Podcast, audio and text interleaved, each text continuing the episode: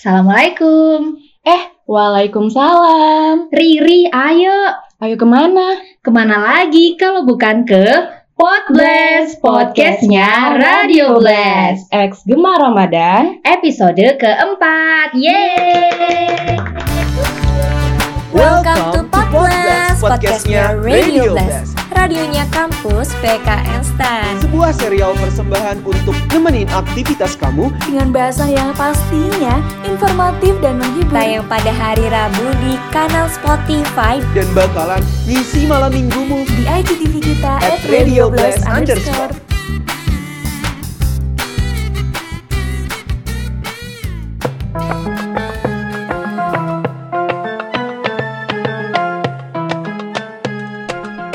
Gimana puasa lo? Lancar nggak? Widih widih lancar dong Ri. Tapi ini udah siang gini mulai lemes ya. Udah dua minggu lebih gue ngerasa loyo gitu Ri. Ya elah, lu masa gitu doang udah lemes sih? Lu kalah dah sama abang-abang yang di depan kita ini. Ih, abang-abang. Siapa? Ye, ini abang-abang tukang bakso gerobak hijau di depan. Lah, emang iya dia di sini. Ih, polos amat lu kayak pentol bakso. Ya, lo ngatain gue lo. Ya lo yang bener aja di depan kita ini ada bintang tamu yang keren loh. Pangling lu. Bintang tamu. Oh, ini abang-abang dua ini bintang tamu kita. Gua kira siapa? Barangan lu. Nih dua orang ini gak kalah menggiurkan tau dari Tanjil. Laper lu bu, menggiurkan lo katanya orang mau dimakan, menarik kali menarik, bukan menggiurkan. ya itulah pokoknya mohon maaf nih ya bang ya biasalah. Maaf maaf. Oh ya btw nih abang dua ini siapa aja kalau boleh tahu ya? Siapa nih dari yang kiri dulu kali ya, yang Kiri deh, yang boleh deh. meringas meringis Wah, dari tadi kayak semringas senyum senyum mulu gitu. Kenapa bang? Berbunga-bunga bang? Ketemu gua. Oh masya Allah, menguburkan Iya, pahala. Ya bang silakan yang kiri boleh perkenalan deh bang. Oke, perkenalkan. Nama saya Happy banget ya. Michael Kusuma, biasa dipanggil Michael. Oke. Eh, di sini di kampus posisinya sebagai ketua umum dari Badan Asrama Mahasiswa tahun 2022-2023. Hmm, mantap sekali nih berarti disiplin banget ya bang orangnya ya bang. Jelas. Gila sih. Terus kalau abang yang satu ini namanya siapa? Oh iya, siap. Perkenalkan nama saya Izudin Markosam, bisa dipanggil Izudin. Nah, sekarang sudah alumni. Dulu waktu di kampus eh, amanahnya ketua MBM ya, 2019 sampai 2021. Masya Allah. Masya Sesuai dengan Allah. penampilannya ya bang ketua MBE. Jadi di depan kita ini udah ada ketua Badan Asrama Mahasiswa dan juga alumni ketua MBM. Keren banget ya Sas Tepuk tangan untuk kita semua. Tadi Bang Izudin panggilannya Bang Is aja kali ya biar singkat. Yang satunya Bang Mike. Yo. Mantap bro. Lanjut bu. Oke, eh, Bang, gue mau nanya nih. Boleh nggak sih share sedikit aja gitu cerita suka duka jadi ketua BAM itu apa gitu? Seneng nggak atau malah justru sengsara nih? Tentu kalau masalah senang atau duka, duka atau suka ya dua-duanya ada lah ya pasti. Yang pertama kalau sukanya karena mungkin ini pengalaman pertama hidup di asrama karena kan sebelumnya kita ini kan ahli program Iya. gitu. Jadi kan kalau re dulu kan gak ada asrama tapi sekarang baru pertama kali asrama. Jadi ya cerita-cerita asramanya seru sih. Seperti apa tuh Bang contohnya? Contoh ya bangun jam 4 pagi itu kan seru. Hmm, Mungkin terus? eh, sisi positif yang saya alami akhirnya saya bisa sholat subuh berjamaah. Biasanya sholat subuh sendiri Bang. Iya. Oh betul. belum ada makmumnya. Mak film makmum kali aja. Set. Terus Bang, Iya, kayak banyak lah sisi positifnya tuh, terutama kalau dari sisi saya pribadi tentang keagamaan sih, karena di asrama itu kan nggak cuma disiplin tapi ada agama juga. Kalau sisi dukanya ya banyak, karena biasanya kita kalau udah pegawai kan hidupnya udah kita yang atur sendiri kan, mau jam makan dan sebagainya. Tapi kan sekarang kita harus belajar untuk mengikuti jadwal yang ada dengan tetap mendampingi adik-adik yang dari lulusan SMA atau reguler. Nah itu juga lumayan jadi tantangan sih selama di asrama ini. Nah itu tadi bang poinnya, yang mendampingi adik-adik. Itu kan kayak baru lulus SMA kan kayak males diatur ya Ri biasanya. Ri. Iya. agak Itu oh. abang gimana bang? Apa di depan mereka pura-pura oke gitu bang? Apa di depan mereka abang tuh lebih ke yang galak, tegas? Kan susah nggak sih diatur apalagi yang cowok-cowok mungkin. Mm-mm. Kan abang harus ini nggak sih kayak mengkoordinir gitu kalau mau apel ya nggak sih? betul Ada acara olahraga sore misal, ya kan harus. betul Itu juga nggak bang? Kayak peluit-peluit gitu nggak bang? betul Prit. iya masih ada ya masih ada Cerita ada cerita apa gitu nggak bang? Kayak yang menjengkelkan kah atau yang apa? kalau kalau menjengkelkan sih ya namanya teman-teman juga kan baru ada yang backgroundnya mungkin dulu SMA-nya kayak asrama atau pesantren itu mungkin lebih bisa mengikuti kegiatan yang ada tapi kalau mungkin teman-teman yang baru itu kan masih kesulitan untuk beradaptasi dengan lingkungan yang ada. Ya menjengkelkan menjengkelkan ada lah. Namanya juga eh, manusia kan macam-macam. Terus juga kan konsepnya itu ada lantai tiga lantai dua yang mana lantai tiga udah pasti paling terakhir datang Iya, kan. nggak mungkin mereka bisa buru-buru ke bawah. Abang lantai berapa bang? lantai dua. Hmm. Kalau yang senior di lantai dua semua ya? enggak ada yang lantai dua dan ada yang lantai tiga Dan lantai satu tetap untuk ruang makan. betul dan musola Abang asrama apa bang? F1 berarti yang lapangan ini Yang di lapangan kan, Di yang ada yang benderanya kan? yang biasanya dipakai apel betul Kenapa ya menahan-nahan apa nih bang? Berarti so far so good lah ya bang jadi ketua bang. so far so good lah Dapat SKPM kan soalnya. aman ya Nah ini itu mah udah nggak usah Gitu. ditanya ada yang mau ditanya lagi nggak nih tentang ketua bang ketua bang nih? apa lagi ya kayaknya cukup deh Nggak terlalu kepo ya lu ya? Karena kita nih benci asrama nggak? Nggak gue kayak iya kayak mana gue mau ngomong mau Kayaknya menyetujui hanya indah untuk dikenang tidak untuk diulang tidak ya untuk bang ya. kayaknya udah cukup sih Iya, pengalaman yang betul. kemarin itu tapi semoga abangnya ke depan ini ya apa bisa terus mengayomi dan membimbing adik-adik ya yang baru masuk asrama ini kan. Karena mereka juga butuh penyesuaian dan juga bimbingan. Oke mungkin lanjut ke narasumber yang kedua. Asik. Bang Is, oke kita next ke Bang Is. Sebagai Ketua MBM PKN STAN tahun berapa Bang tadi Bang? 2019 2021 Lama sekali Bang, itu bisa dijelaskan kok lama banget Bang jadi Ketua MBM-nya kenapa itu Bang? oh iya baik. Nah, jadi saya masuk D4 ya sebelumnya D3 D3 2013 kemudian lulus 2016 kerja 2 tahun setelah daftar D4 ya. Ya. jadi beda mungkin kondisinya dengan teman-teman reguler sekarang ya langsung D4 4 tahun seperti itu. Nah, jadi masuk saya 2019 September seperti itu kemudian di apa ya diamanahi ya sebagai ketua MBM Nah, tapi eh, tidak berjalan seperti yang saya rencanakan gitu ya Waduh. periodenya. Kenapa itu karena hanya satu semester yang offline seperti itu. Iya. karena di bulan Maret kalau teman-teman masih ingat itu kan pandemi covid masuk ya ke Iya. Indonesia bulan Maret itu. 2 Maret 3 Maret di kalau Covid kan. Ya otomatis kemudian di semester berikutnya program-program berjalan secara daring ya secara online dan itu memang cukup mempengaruhi termasuk pelaksanaan Ramadan pertama di kepengurusan saya waktu itu dari 2020. Nah, itu Bang, yang kami kepo Bang.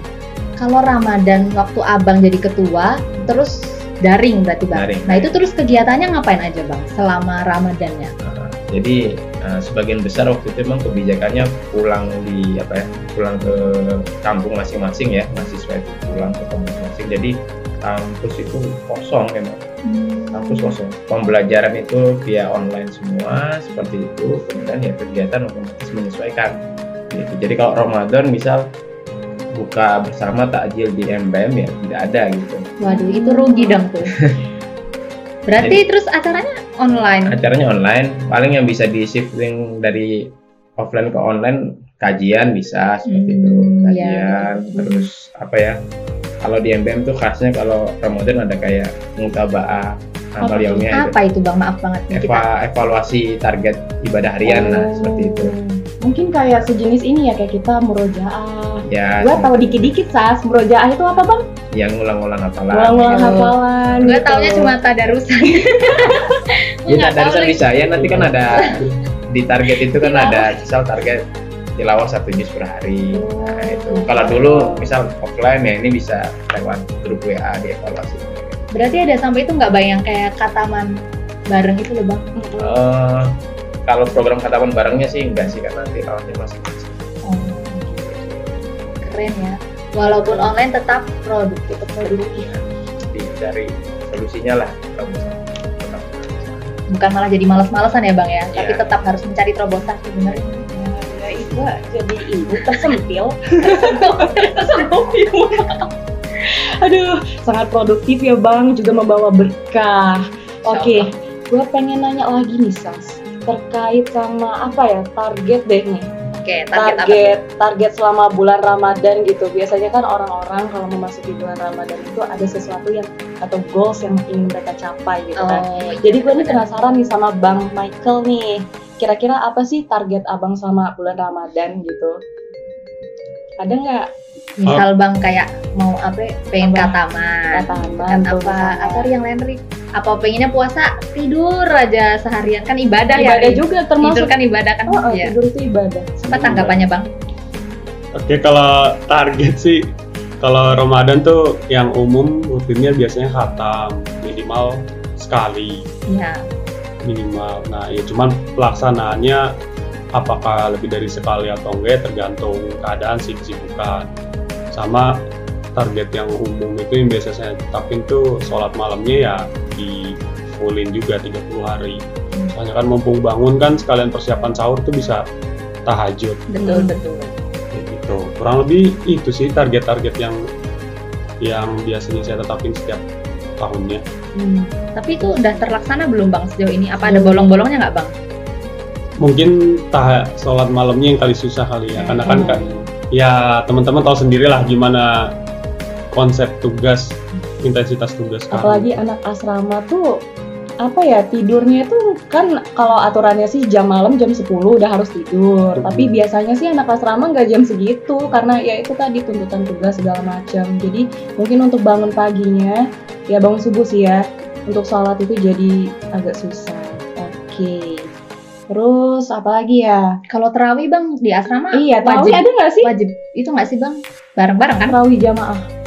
Tarawih jamaah setiap setiap hari ada. Bahkan kan kalau untuk hari Kamis itu tarawih gabungan per putra itu di F1 di gedung F1 kemudian tarawih gabungan putri di gedung N.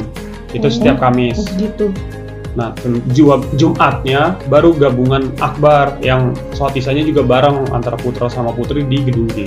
itu Wow. rutin tiap minggu begitu bang Rutin tiap minggu kayak gitu. keren ya giliran kita dulu kagak ada ya kita nggak kagak ada kayak gitu karena situasi kita kemarin kan eh covid lagi ini ini Itu- orang kita isolasi itu berarti perubahan karena ketua bamnya baru Iya. iya berarti Sabi. ketua bam yang baru ini membawa keberkahan yang baru Yaelah, malu nih eh tapi emang muat bang itu semua anak cowok di lantai satu sholat di mananya sih kan kita belum pernah Iya, ya yang cewek masuk masuk ke gedung asrama cowok wanita ya Muat Iya. kok, muat. Kan eh, sekarang kan setiap Jumatan selalu dipakai di gedung F1 kan kalau di stan itu. baru tahu Jadi Hmm. bisa lah eh, kapasitas 400-an orang mah. wow banyak juga ya selama ini kan kita sholatnya di kamar iya kita nggak tahu berjamaah bertiga bersama teman-teman bukankah itu sama bang Is pahalanya berjamaah kan yang penting ya bang Ya, apakah ngaruh tidak tahu mari kita tanya nanti Iya, nanti kita tanya sendiri ya. Oke, kita udah dengar dari Bang Mike nih ya. Sekarang beralih lagi kita. Kalau dari Bang Is, Bang gimana? Apakah targetnya ini sama atau beda? Kalau bisa sih beda, Bang. Maksa ini. maksa kita Biar bervariasi ya. Oke baik terima kasih ya pertanyaannya. Kalau kita dengan target Ramadan secara umum sama ya tentu kita ingin meningkatkan ibadah ya Betul. dibandingkan bulan-bulan 11 bulan sebelumnya. Hmm. Karena kan Ramadan itu kan bulan bulan latihan ya seperti itu ya. Bulan latihan terus kalau target goalnya kan juga ada ya. Jadi kalau apa sih yang mau dikerjain kan tergantung goalnya dulu kan. Ya, Misal kalau kuliah goalnya pengen lulus berarti harus ngapain aja ya belajar gitu kan. Terus ya terus mengurangi waktu bermain dan seterusnya lah kurang lebih gitu. Jadi kalau goalnya Ramadan kan kita ta'alakum takun ya. Masya Allah. jadi- apa artinya, Bang? Maaf.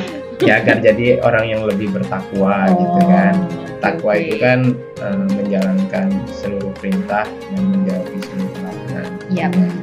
Ya tentu kita Nah, tidak ada yang bisa jamin 100% ya bisa melakukan semuanya, menjauhi semuanya. Tapi kan latihannya ya di bulan Ramadan ini gitu. Nah, terus apa yang dikerjain tahun ini ya tentu eh, Ramadan itu apa sih? Kita perlu tahu dulu kan Ramadan itu kan bulan Quranisme. Oke oke. Nah, spesifik disebutin di Al-Baqarah 185 Syahrul Ramadan alladzi unzila fihi Quran. Berarti ada kodenya di situ bulan Ramadan itu bulan diturunkannya Quran. Hmm. Nuzulul Quran ya. Ya, artinya ada kodenya berarti Ramadan itu tempat kita memaksimalkan interaksi dengan Quran gitu. Bahkan kalau kisahnya para ulama dulu itu ada yang ngisi kajian gitu ya. Misalkan kalau Ustaz kan ngisi ceramah ulama gitu ya. Itu kayak Imam Malik tuh salah satu Imam Malik kan ada empat tuh. Imam Malik itu sampai meliburkan kajian fokus ngaji beliau ulama besar di Madinah di Masjid Nabawi seperti itu beliau meliburkan kajiannya untuk apa beliau pengen meningkatkan diri sendiri. Apa istilahnya kalau kita apa ya kalau sendirian itu nggak pengen dengan orang lain tuh. Nah kayak gitu. Healing sendiri lah kayak gitu. Semacam itu. Jadi beliau juga uh, dengan Qurannya saja interaksinya gitu. Berarti abang juga inginnya seperti itu ya bang? ya kita niatnya ke arah sana. Gitu orang ya? kan istirahat Ramadan itu tempat istirahat dari kesibukan di 11 bulan sebelumnya. Hmm. Dan dari kesibukan duniawi itu. Fokus pada akhirat ya bang ya? ya kalau nggak di Ramadan kapan lagi Tuh kan? Cocok sama tema kita nih, emang pengantarnya dari Bang Is nih. Aduh, udah di skill dulu ya nama Jawaban ketua MBM sama ketua Bang nih emang beda ya. beda ya. kan requestnya beda Satunya duniawi. Jangan bang, bercanda. Semua menuju Anda. Bercanda, bercanda.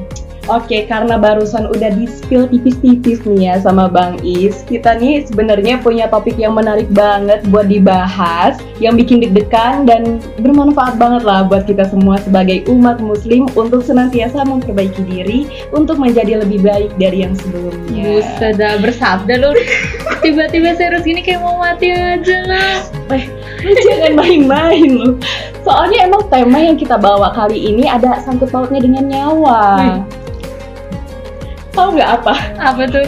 Jadi takut. Jadi, tema podcast kita kali ini adalah bagaimana bila ini adalah Ramadan terakhir kita. Waduh, berarti kalau Ramadan terakhir tahun depan kita udah lock up dari dunia gitu maksud lo? Iya, bisa aja sih. Kan umur nggak ada yang tahu. Jodoh aja kan kita nggak tahu kan. Iya Tapi bener. kalau yang perkara kematian ini kan hal yang sudah pasti gitu. Bisa jadi justru kematian yang mendahului daripada jodoh. Nah, udah bilangin balik ya, ya, belum tapi nikah, jangan mudah-mudahan mati jangan dulu sih Ya, ya. mah abang-abang yang di depan kita juga nih bau-baunya kan Apa? Apa? bau-baunya belum nikah ya kan belum nikah ya bang udah belum bang sudah. Waduh mari kalau kita kalau kelihatan belum ya? Mari kita sudahi podcast ini. Gua dimarahin panitia gemar Ramadan habis ini maaf bang. Kan soalnya masih muda kan ya? Iya, saya pikir awet muda saya banget. pikir belum bang. Karena awalnya ya nih ya, awalnya kita kira bang Is aja masih kuliah ya kan? Ternyata udah lulus. Ya maaf ya bang. Jangan tersinggung ya bang ya udah lulus juga nih. Tapi kan dia kuliah lagi ya kan? Tapi kan udah lulus lagi. Ya jangan nggak putar-putar ya bang. Duh. Bentar gua jadi minum dulu minum dulu. Minum eh Coy. Ramadan tolong. Mari kita lanjutnya Ya udah kita skip deh, kita fokus lagi nih ke Sorry, tadi topiknya. ice breaking, ice breaking yang tidak break, tidak tahu lah ya. Eh, terus nih ya, eh, kita kan tadi udah bahas-bahas tentang tema itu kan ya, Ri. Kalau Bang Michael sendiri, dengar kalimat yang tadi Riri ucapkan itu ngerasa serem kah? Apa malah udah siap Bang? Maksudnya persiapan gitu kan, amal soleh untuk akhirat tuh apakah Abang tuh Ya sudah udah siap persiapannya, bekal Saya- akhiratnya, bukan persiapan Iya. mati. Ya, saya gitu siap, ya. mati pun siap gimana Bang? kalau kalau terkait masalah itu ya namanya siap nggak siap sih. Ya namanya kematian kan pasti ada ya. Betul. gitu kan. Nah tinggal kita mempersiapkan aja apa yang bisa sebaik mungkin kita siapkan. Kalau masalah kepikiran Ramadan terakhir kita tuh kalau saya pribadi sih selalu sih setiap Ramadan tuh saya nganggap itu Ramadan terakhir. Kenapa? Karena karena ya kadang saya lupa dulu saya pernah dengar quote yang eh, berlomba-lombalah kita dalam beragama sebagai se- seolah-olah kita ya kalau kita bakal mati besok jadi ya itu buat saya salah satu hal yang saya pegang untuk meningkatkan ibadah kita di bulan Ramadan. Apalagi uh, Ramadan itu kan ada malam seribu bulan itu juga kan. Nah itu Iya. kan juga termasuk yang diincar setiap umat Muslim yang ada di uh, dunia ini gitu. Jadi uh, malah semakin semakin Ramadan itu mendekati hari ke-30 justru ibadah itu pasti makin ditingkatkan. Setuju sih. Setuju nggak lu? Gue pasti setuju dong dengan perkataan Bang Bang Jadi makin akhir jangan makin loyo tapi makin Hmm, harusnya jadi makin semangat untuk meningkatkan ibadah. Oke. Jangan safnya makin maju. Nah, itu yang sering terjadi Oh, iya. tapi kan mudik mudik bang. mudik. Iya. Ya, Positive thinking. Jadi gitu ya. Oke nih, eh, kalau dari Bang Is nih kayaknya dari muka-mukanya udah penuh persiapan ya Bang. Weh, persiapan apa lu? Tadi amal-amalnya tadi kan Oh. kayak yang dibilang barusan. Gimana nih Bang, misalnya nih kalau kita membayangkan ternyata tahun ini adalah puasa terakhir kita gitu kan. Tapi nggak jadi kita abangnya dong. kita bertiga mau lanjut tahun depan nih. Canda buang. Bercanda, bercanda. Semua yang di podcast ini hanya bercanda. Bercanda. Kalau ada malaikat lewat ya kita nggak tahu ya bang.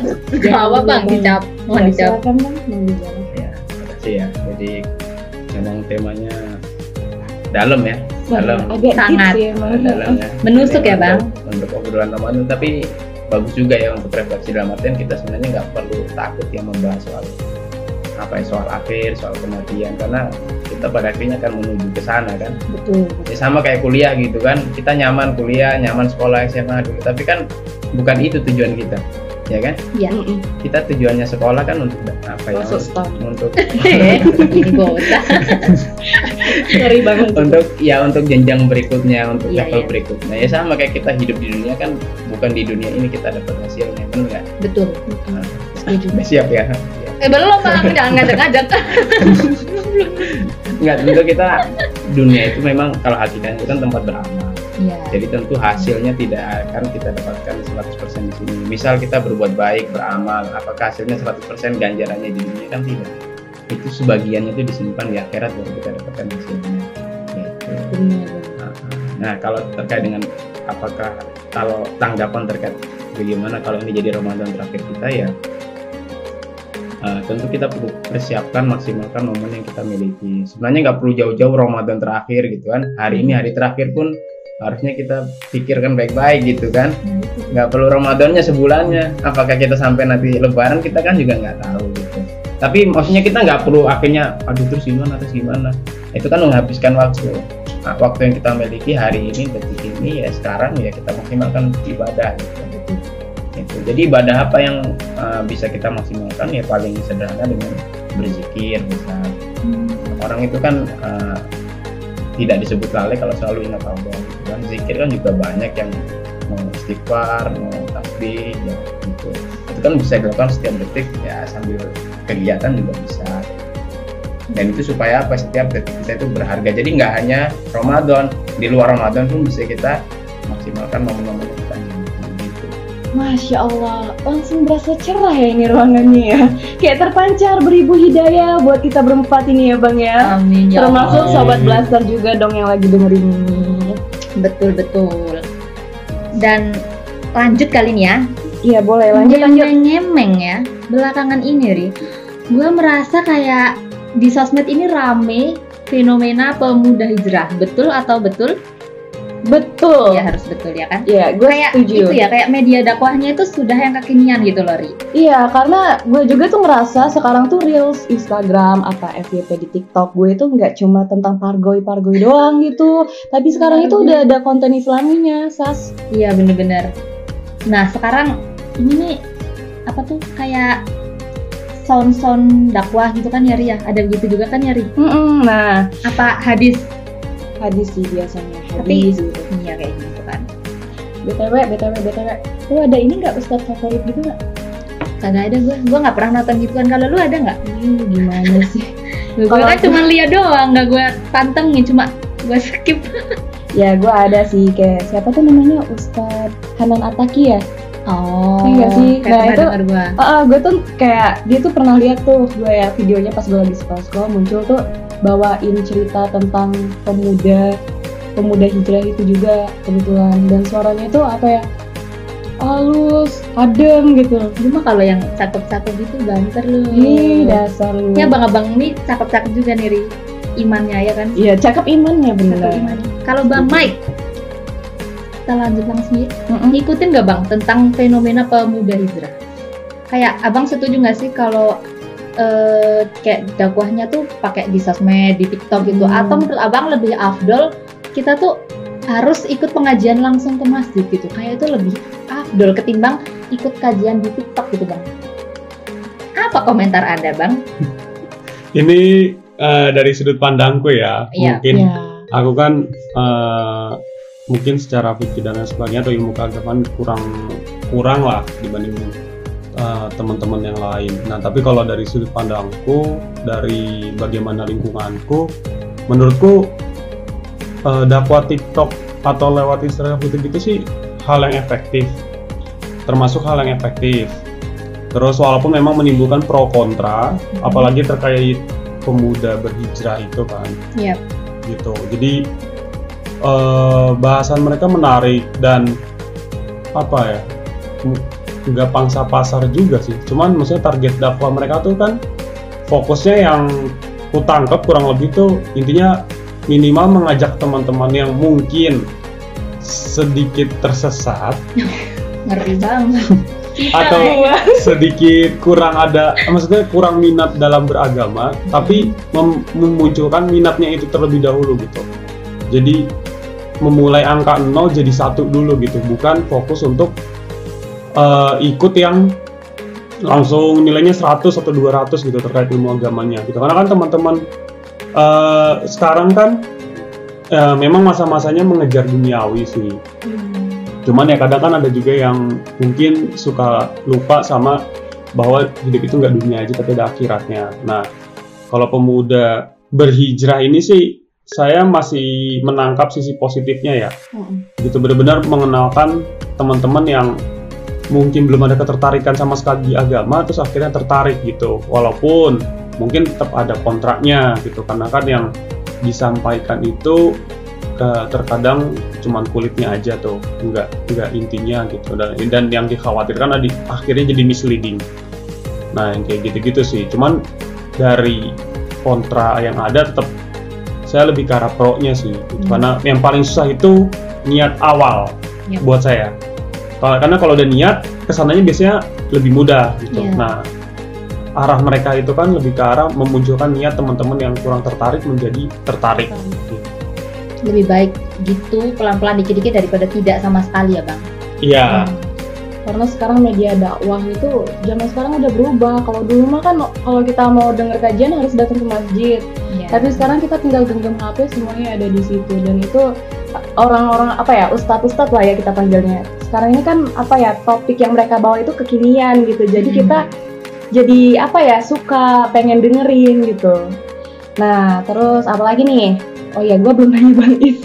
Jangan lo lupakan dong, Uy. Bang Is nih, gimana menurut Abang? Apakah Abang merupakan bagian dari gerakan pemuda hijrah ini? Jangan-jangan. Boleh tolong di-spill Bang, diklarifikasi. Ya, terima kasih ya. Jadi kalau dari Michael tadi kan mungkin perspektif dari yang pemudanya gitu ya. Kalau saya coba mungkin ngasih apa ya tanggapan ya, mungkin dari sisi kenapa sih pemuda itu yang disasar gitu ya, Betul. biar apa ada dua perspektif ada sudut pandang yang utuh gitu ya. Eh, kenapa sih kok menyasarnya pemuda yang hijrah gitu ya, brandingnya lah kalau kita positioningnya seperti itu karena ternyata memang pemuda itu spesial teman-teman Gimana itu Bang spesialnya? kalau di hadisnya Rasul itu itu pemuda itu disebutkan khusus itu termasuk yang nanti kalau teman-teman bayangkan di hari akhir kelak itu di padang masyar itu kan panas banget kan Iya. matahari itu dekat dekat di hadisnya seperti itu Iya, iya, iya, maaf Bang. ya Tolong lagi serius. Iya, sorry. Lanjut Bang, lanjut, lanjut Bang. itu tidak ada naungan ketika itu dari panasnya matahari kecuali naungan dari Allah Nah, Allah.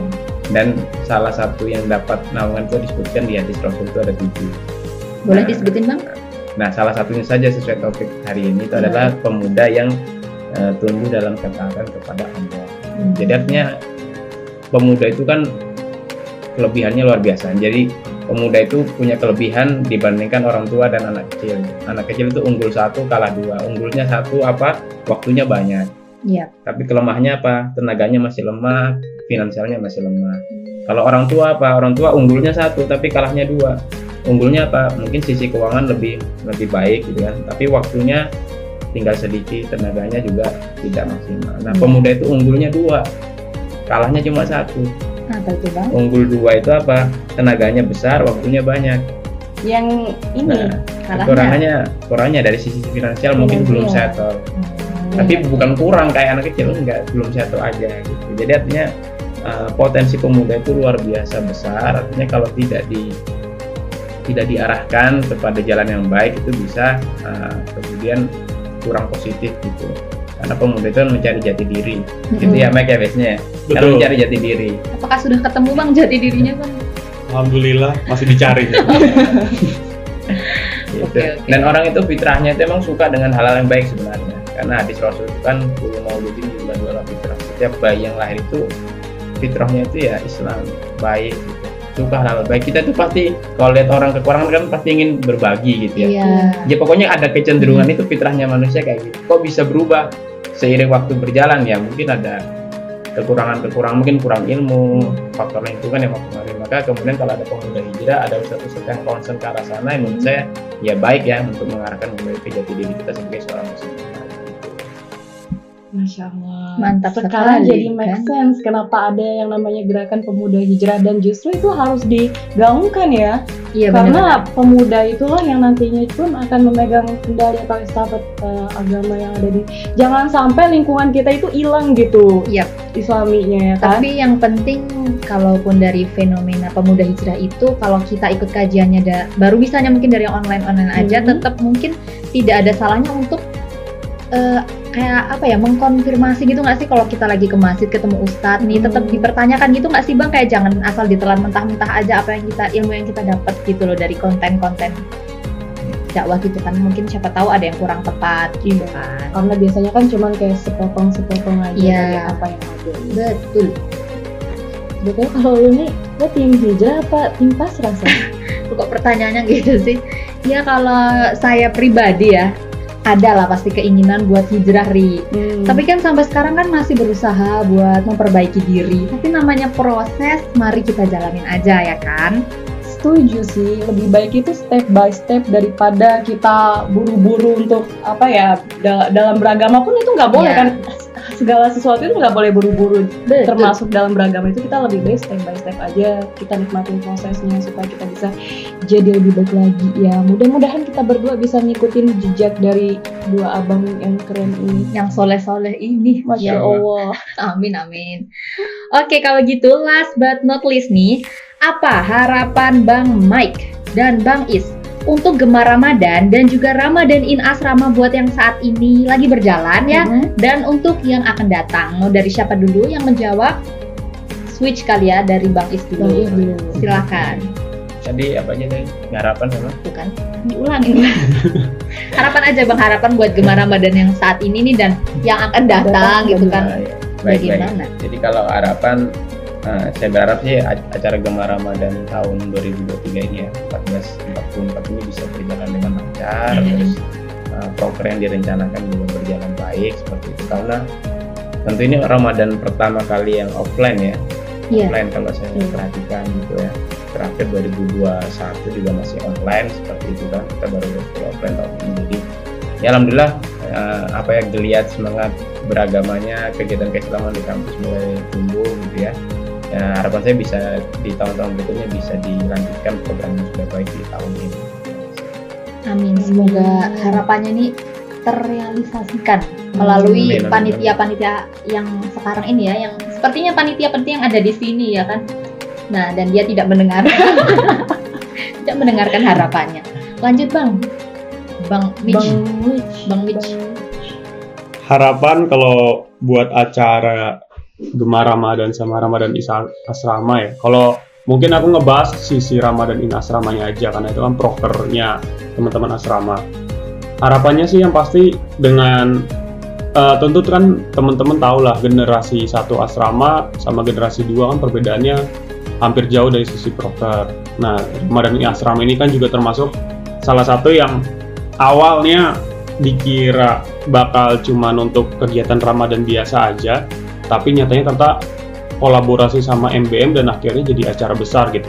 Bahkan kan yang kemarin itu kan ada kongko volume spesial kan sambil kita berbagi bersama juga sama teman-teman panti asuhan. Iya. Nah, harapannya sih dengan adanya eh, benchmark standar yang tahun ini di tahun depan tuh bisa menjadi lebih baik lagi dari apa yang ada sekarang gitu. Jadi minimal tuh sama gitu. Karena menurut saya eh, kita tuh organisasi ya jangan stuck di situ aja gitu. Selalu berkembang dari tahun sebelumnya gitu. Tinggal generasi tahun sebelumnya ngasih transfer of knowledge-nya ke generasi yang baru.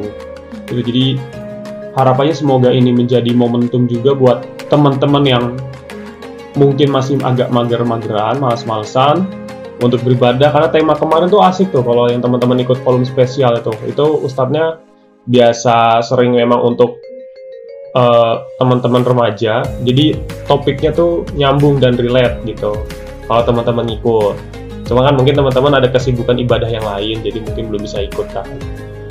Kayak gitu sih harapannya. Dan mungkin ya dengan meningkatkan rasa ibadah kita setelah mengikuti Ramadan ini semoga mungkin ke depannya kalau ada ada dakwah lewat IG atau lewat TikTok itu yang nggak langsung di scroll ya Wah, kayak siapa tuh? Nyindir siapa kalau? TikTok ya di scroll gitu kan lebih baik dibanding ntar ntar Tuhan ngeliat kita kan di medsos wah ini di scroll aja lah karena dia nge-scroll Astagfirullahaladzim. kan mungkin Takut, takut. Malaikat kanan geleng-geleng. Aduh, berat banget nih bau kiri gua. ya mungkin intinya itulah harapannya semoga dari ini teman-teman lebih tertarik lagi sama uh, Islam itu sendiri uh, tertarik lagi untuk beribadah gitu ya walaupun mungkin belum bisa maksimal ya dikit-dikit perlahan lah naikin Amin ya. Semoga juga acaranya ini sukses, harapannya terkabul semua. Hmm. Kan kalau bulan Ramadan banyak malaikat lewat ya. Iya. Doa-doa baik kan insya Allah diijabah. Amin. Amin, amin, Rabbal Allah. Alamin. Aduh, nggak kerasa ya. Ternyata kita udah di akhir episode Gemar Ramadan. Kita berdua ngucapin makasih banyak buat Bang Is dan Bang Michael yang udah bersedia ngobrol. Kenapa sih lu ketawa? Nggak apa-apa. Yang udah bersedia ngobrol dan ngasih banyak banget pelajaran buat kita berdua. Setuju.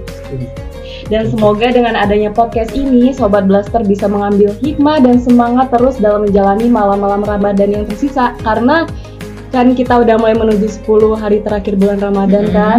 Ada momen yang paling kita tunggu yaitu Ayo apa? Sebutkan dong. lebaran Oh, salah, enggak. salah. Apa bang? Apa bang? Lailatul Qadar. Nah, 100 buat Bang Is. Sip. Diskualifikasi dia. Anda Bang. Ada Lailatul Qadar, jadi semoga kita bisa berjumpa dengan malam yang sangat mulia tersebut. amin amin ya. Nah, bentar. Kita nih sebelum mengakhiri podcast ini gitu kan. Mhm. Kita kan tadi yang kayak Bang Michael bilang, apa Bang lebaran ya kan? Ayo, iya. Kayaknya nggak afdol nggak sih kalau di podcast ini kita tuh nggak mengucapkan selamat lebaran ya walaupun Oh, masih iya. lama ya kan. Tapi kan yang dengerinnya Wah. kan besok, besok waktu mau Hmm. lebaran. Sabi nih, Iya, kita ucapin kita ucapin. aja. Mau gimana ya kalimat ngucapinnya? Bang kalau ngucapin lebaran gimana Bang? Afdolnya Bang? Nggak ada di briefing ini ini dadakan ini latihan menjadi announcer bang tidak semua harus direncanakan ya kan gimana bang Selamat Hari Raya Idul Fitri 1444 Hijriah. Takabbalallahu minna wa minkum. Taqabbal karim. Agak panjang. Semoga Allah menerima seluruh amal ibadah kita di bulan Ramadan dan kita jadi pribadi yang lebih baik Amin. di bulan-bulan berikutnya. amin nah itu mas gue Ri, yang gue nggak bisa tuh yang takabollah itu tuh mah nggak apa jadi Mending gimana? Ah, ya itulah maksud itu juga kan intinya selamat hari lebaran ke 14 44 Hijriah. Hijriah. Semoga nanti teman-teman yang mau mudik lancar gitu kan perjalanannya dan eh, bisa berkumpul lagi bersama keluarga dan orang-orang tersayang sanak saudara di rumah. Betul Riri? Betul banget. Jadi eh, apa ya kayak life lessons yang bisa kita tarik nih gitu ya. Beramallah untuk akhiratmu seakan-akan engkau akan mati besok. Ingat waktu adalah aset yang tak ternilai, jadi jangan sia-siakan kesempatan yang kamu punya untuk selalu melakukan kebaikan. Jadi itulah inti dari obrolan kita hari ini. Yap. Eh, BTW, sebelum menutup kultum podcast kita kali ini, Sisa Sita katanya mau pantun, Bang. Jadi jangan lupa dicekupin ya. Cakepin ya bang, cakepin ya Yes. bang. Yang semangat ya. Yuk, Nih gas. dengerin nih. Orang kaya mati, orang miskin mati. Cakep. Kepada Allah semuanya kembali. Artinya, Bulan Ramadan setahun sekali. Mari perbaiki diri agar tak menyesal nanti. Makasih, makasih, makasih. Oke, jadi pantun dari Sasita tadi menutup podcast kita kali ini. Makasih banyak buat Sobat Blaster yang udah dengerin sampai akhir. By the way, ini merupakan episode terakhir dari podcast Gemar Ramadan. Tapi, tapi jangan sedih teman-teman, karena nanti kita bakal ada episode-episode baru yang fresh tentunya. Pokoknya pantengin terus ya di IG at Radio Blast underscore dan Podblast di Spotify. Oke, kalau gitu gue Sasita dan Gua Riana pamit undur diri. Radio Blast Blended Externals. Wassalamualaikum warahmatullahi wabarakatuh. Bye-bye. Bye-bye.